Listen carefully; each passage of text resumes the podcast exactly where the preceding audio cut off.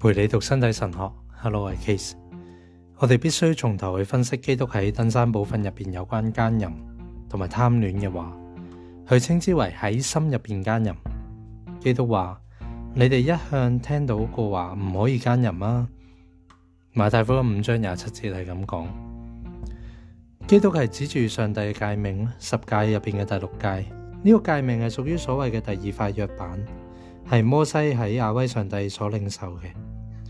让我哋先喺听众嘅角度去出发啦。听众系指在场聆听登山宝训嘅人，佢哋听到基督所讲嘅话嘅人，佢哋系选民嘅后代。呢个民族系喺亚威上帝领受咗律法，亦都获赐咗先知。呢啲先知喺历代以嚟多次责备呢个民族点样去对待律法，点样多次违反律法。基督亦都谈论呢一种违背律法嘅行为，然而佢更进一步去论述人对于律法嘅诠释。呢一种诠释撤销咗同埋废除咗立法者上帝嘅旨意入边咧善同埋恶嘅正确意义。事实上，律法主要系作为一个工具，系为咗令到诶清，为咗令到清义啦，即系义德可以圆满啦，系不可缺少嘅。基督希望咁样嘅义系要胜过法利赛人同埋文士嘅义啊，胜过呢个字直译咧就系比之更加丰富丰盈。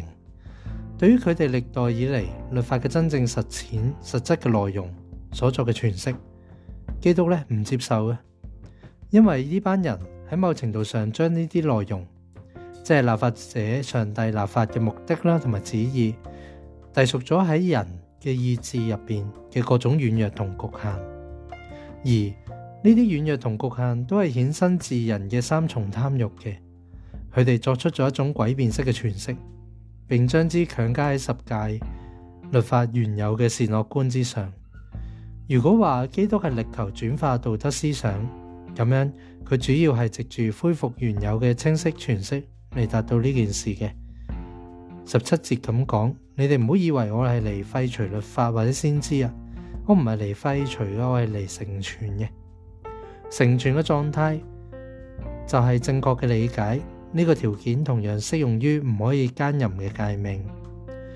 回顧舊一所記載阿伯拉罕時代以嚟嘅選民歷史，可以揾到大量嘅例證，說明佢哋點樣去履行呢個界命，以及點樣因為。形成對於律法作出嘅詭辩嘅诠釋。首先，舊約歷史顯然係有計劃咁樣背負一夫一妻制嘅長域。為咗理解唔可以攤奸淫嘅禁令啦。一夫一妻制必然具有根本性嘅重要。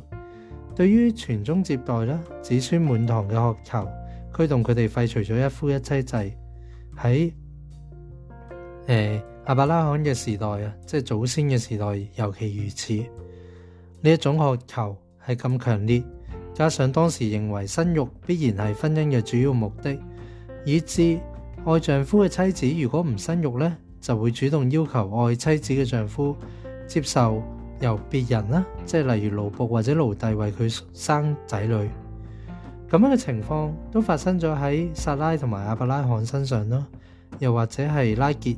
同埋雅各身上两个故事反映咗用以民理行，系以色列民理行十诫时所处嘅道德风气。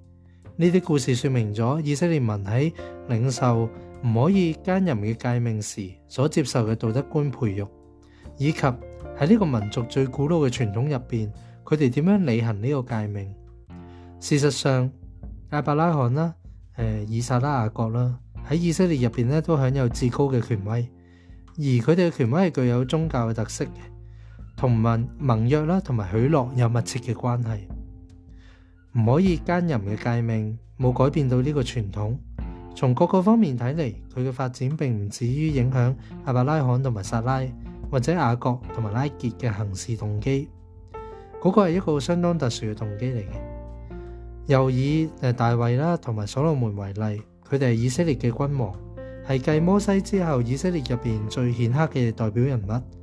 由佢哋生活技术可见，当时一夫多妻制已经成行啦，无疑都系贪欲嘅产物。大卫有几个妻子，佢嘅故事重点唔止系佢夺去咗佢下属嘅妻子，亦都系佢清楚意识到自己犯咗奸淫。圣经用详尽暗示嘅方式记载咗呢个事实。同埋君王嘅悔改，当时有人认为奸淫只系占有别人嘅妻子啦，而唔系娶咗正室之后再占有其他女人。不可奸淫嘅戒命有一个重要同埋唔可以挖缺嘅含义，就系一夫一妻制确实系必要嘅。但系整个旧约传统嘅显示呢一种必要性呢，并唔见于选民嘅后代意识同埋佢哋嘅道德意识入边。就呢个背景而言。我哋要了解以色列民尽咗所尽嘅一切努力，旨在将唔可以奸淫嘅诫命嘅具体内容咧纳入喺已经颁布嘅法规入边。记载所有旧约法规嘅相关圣经书卷已经确认咗呢一点。如果细读法规嘅条文，我哋唔难发现法规对于奸淫系毫不犹豫咁样作出坚决嘅反对，仲实施严刑，包括咗死刑啊，譬如你未记二十章十节啦。喺《生命记》廿二章廿二节。然而除此之外，法规其实系支持当时实行一夫多妻制嘅，使之完全合法化，至少间接咧令到佢咁发生啦。因此，以色列民只系有限咁去防止奸淫，冇超越到旧约道德观嘅主要形式嘅。根据呢啲嘅律法，奸淫首先被视为系侵犯男人嘅产权，而每个身为呢个男人合法妻子嘅女人呢，都属于佢嘅产权啦。对比起嚟，当时对于奸淫嘅理解，并唔符合造物主建立嘅一夫一妻制。我哋已经知道，基督正系为此诉诸于起初。此外，就有一个妇人喺犯奸淫嘅时候咧，就被提住嘅事件啦。